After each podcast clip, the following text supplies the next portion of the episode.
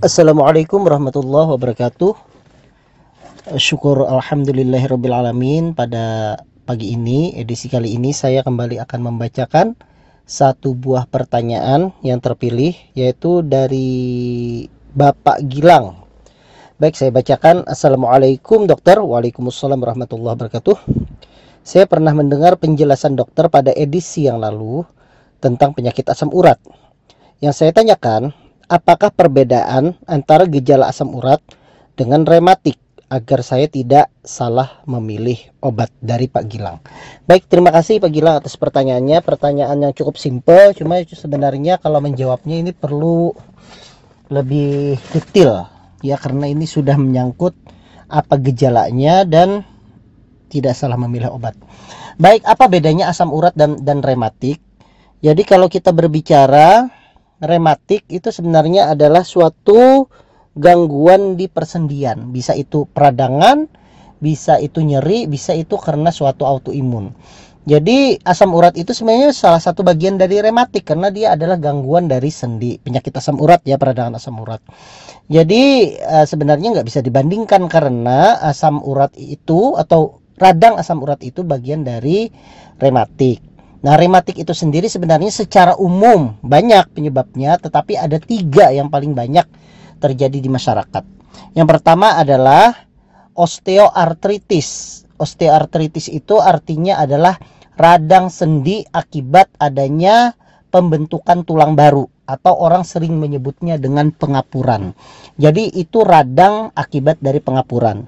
Kemudian yang kedua setelah osteoartritis adalah rheumatoid artritis. Rheumatoid arthritis itu adalah peradangan sendi diakibatkan karena suatu autoimun yaitu imun di tubuh yang menyerang dirinya sendiri sehingga terjadinya peradangan. Itu adalah rheumatoid arthritis. Dan yang ketiga adalah gout arthritis.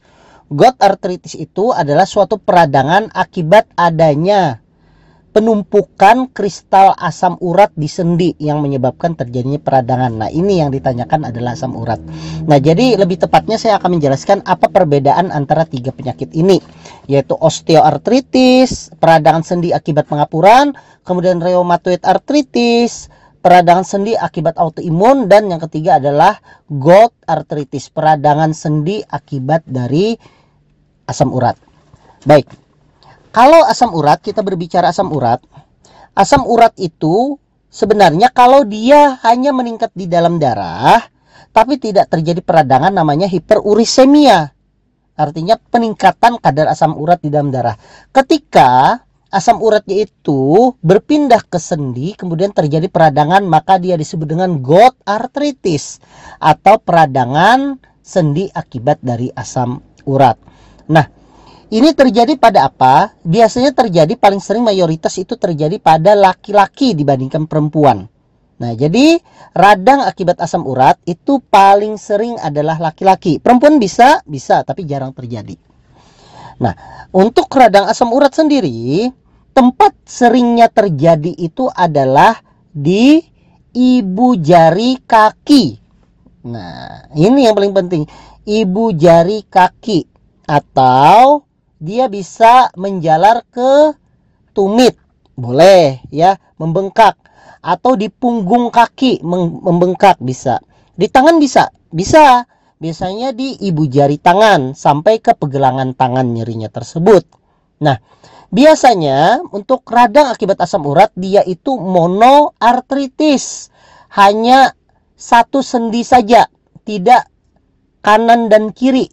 Jadi misalnya orang radang asam urat nih Kadang biasanya hanya jari kaki di kanan saja atau di kiri saja, jarang keduanya. Nah itu adalah radang asam urat. Bisa nggak sampai ke lutut? Bisa, tetapi jarang terjadi.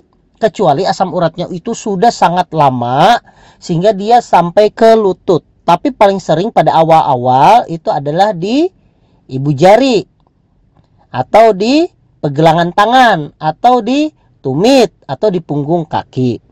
Nah, kalau dia meradang, bagaimana gejalanya? Gejalanya itu yang pertama sangat nyeri.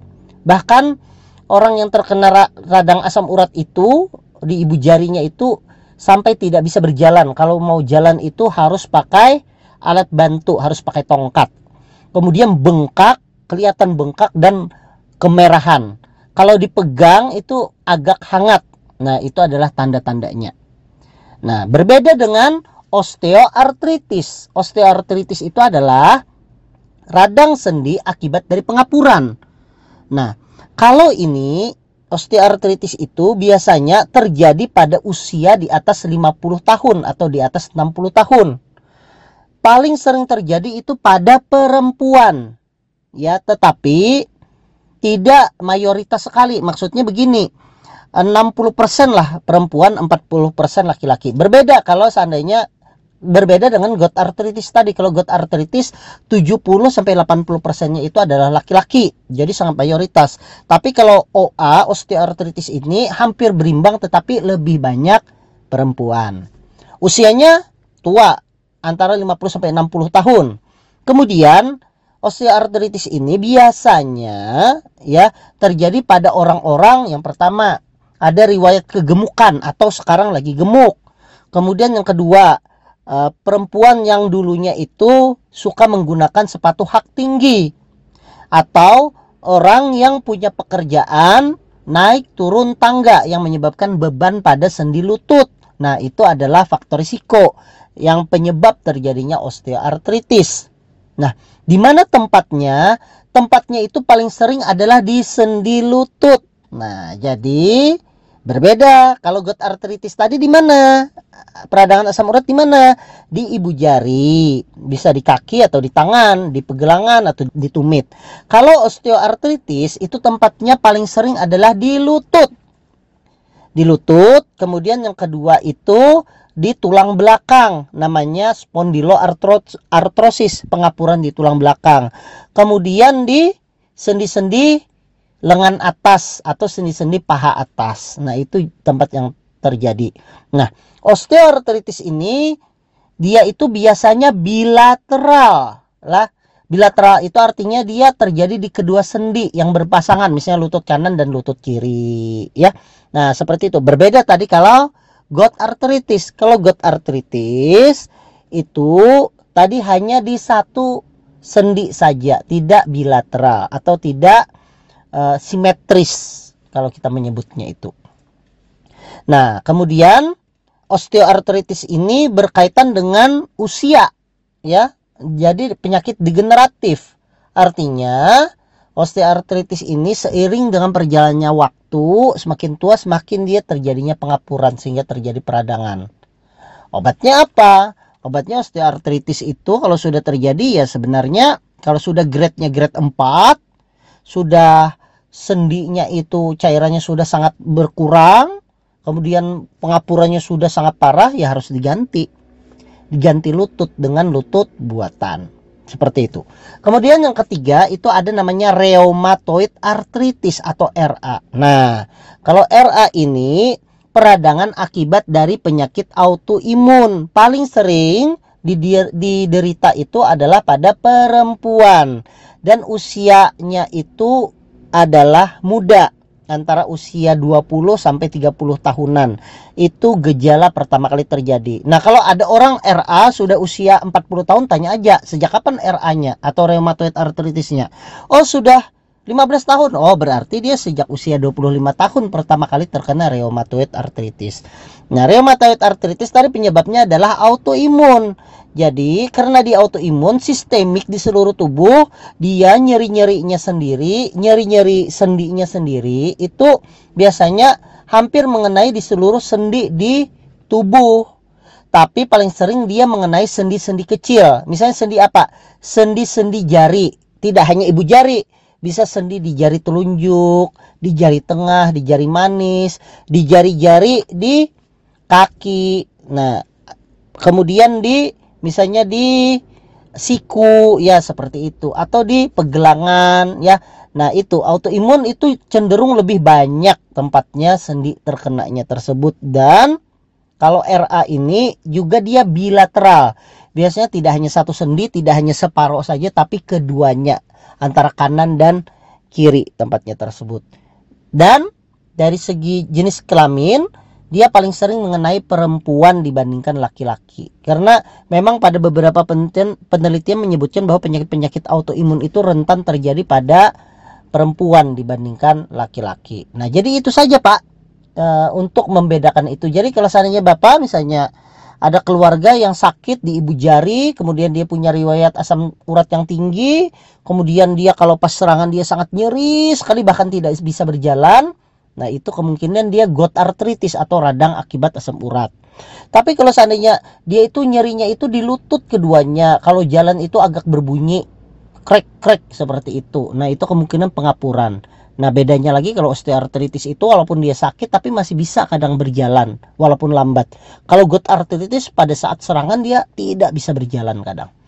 Jadi kalau seandainya ada keluarga misalnya tadi nyeri di kedua lutut tapi masih bisa berjalan kadang berbunyi ya kemungkinan itu osteoartritis. Tapi kalau seandainya masih muda perempuan nyeri-nyeri sendi kemerahan mungkin itu adalah rheumatoid arthritis jadi obatnya berbeda. Jangan sampai salah memberikan obat misalnya obat untuk asam urat peradangan asam urat diberikan kepada obat autoimun. Salah besar dan itu malah akan memperparah penyakit dari pasien tersebut.